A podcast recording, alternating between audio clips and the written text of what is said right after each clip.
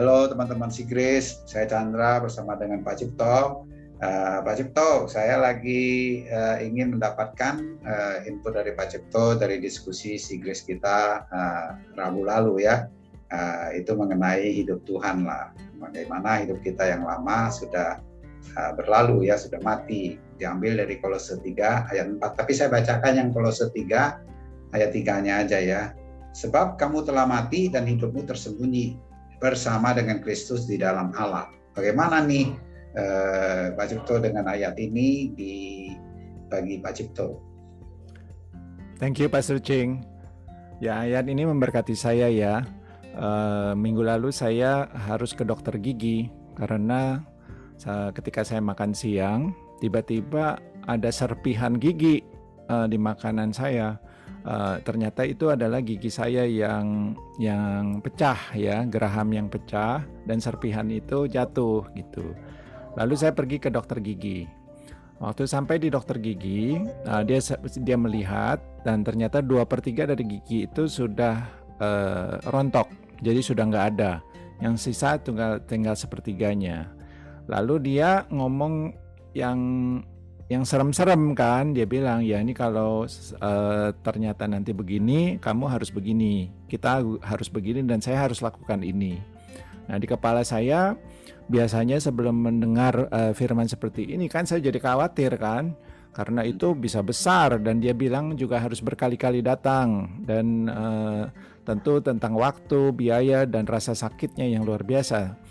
Uh, uh, walaupun itu pakai bius ya, tapi kan kita kadang-kadang takut ya dibius aja disuntik dan uh, ada risiko-risiko lainnya. Nah, oleh sebab itu, kayaknya hidup itu walaupun kita sudah mendapatkan perawatan terbaik pun menjadi nggak enak.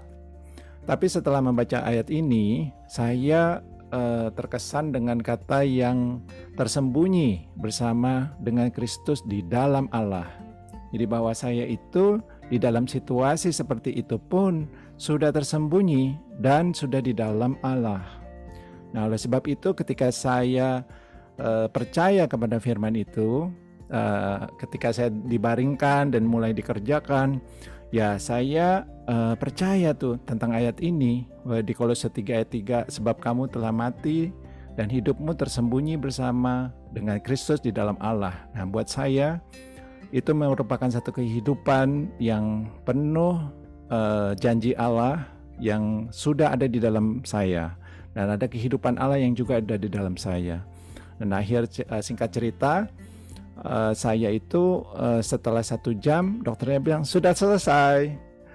Uh, dan dia bilang wah kamu luar biasa katanya bisa bukakan mulut satu jam uh, di dikerjakan itu dan dan ternyata uh, tidak sesuai uh, tidak tidak ter, tidak terjadi apa yang saya bayangkan yang saya seramkan dan yang terbaik uh, dan uh, yang terbaik dan cukup singkat terjadi pada saya. Jadi itu satu uh, damai sejahtera yang diberikan kepada saya oleh karena firman-Nya yang luar biasa kepada saya. Jadi saya makin senang, makin rindu berkumpul bersama dengan saudara-saudara saya di hari Rabu malam itu.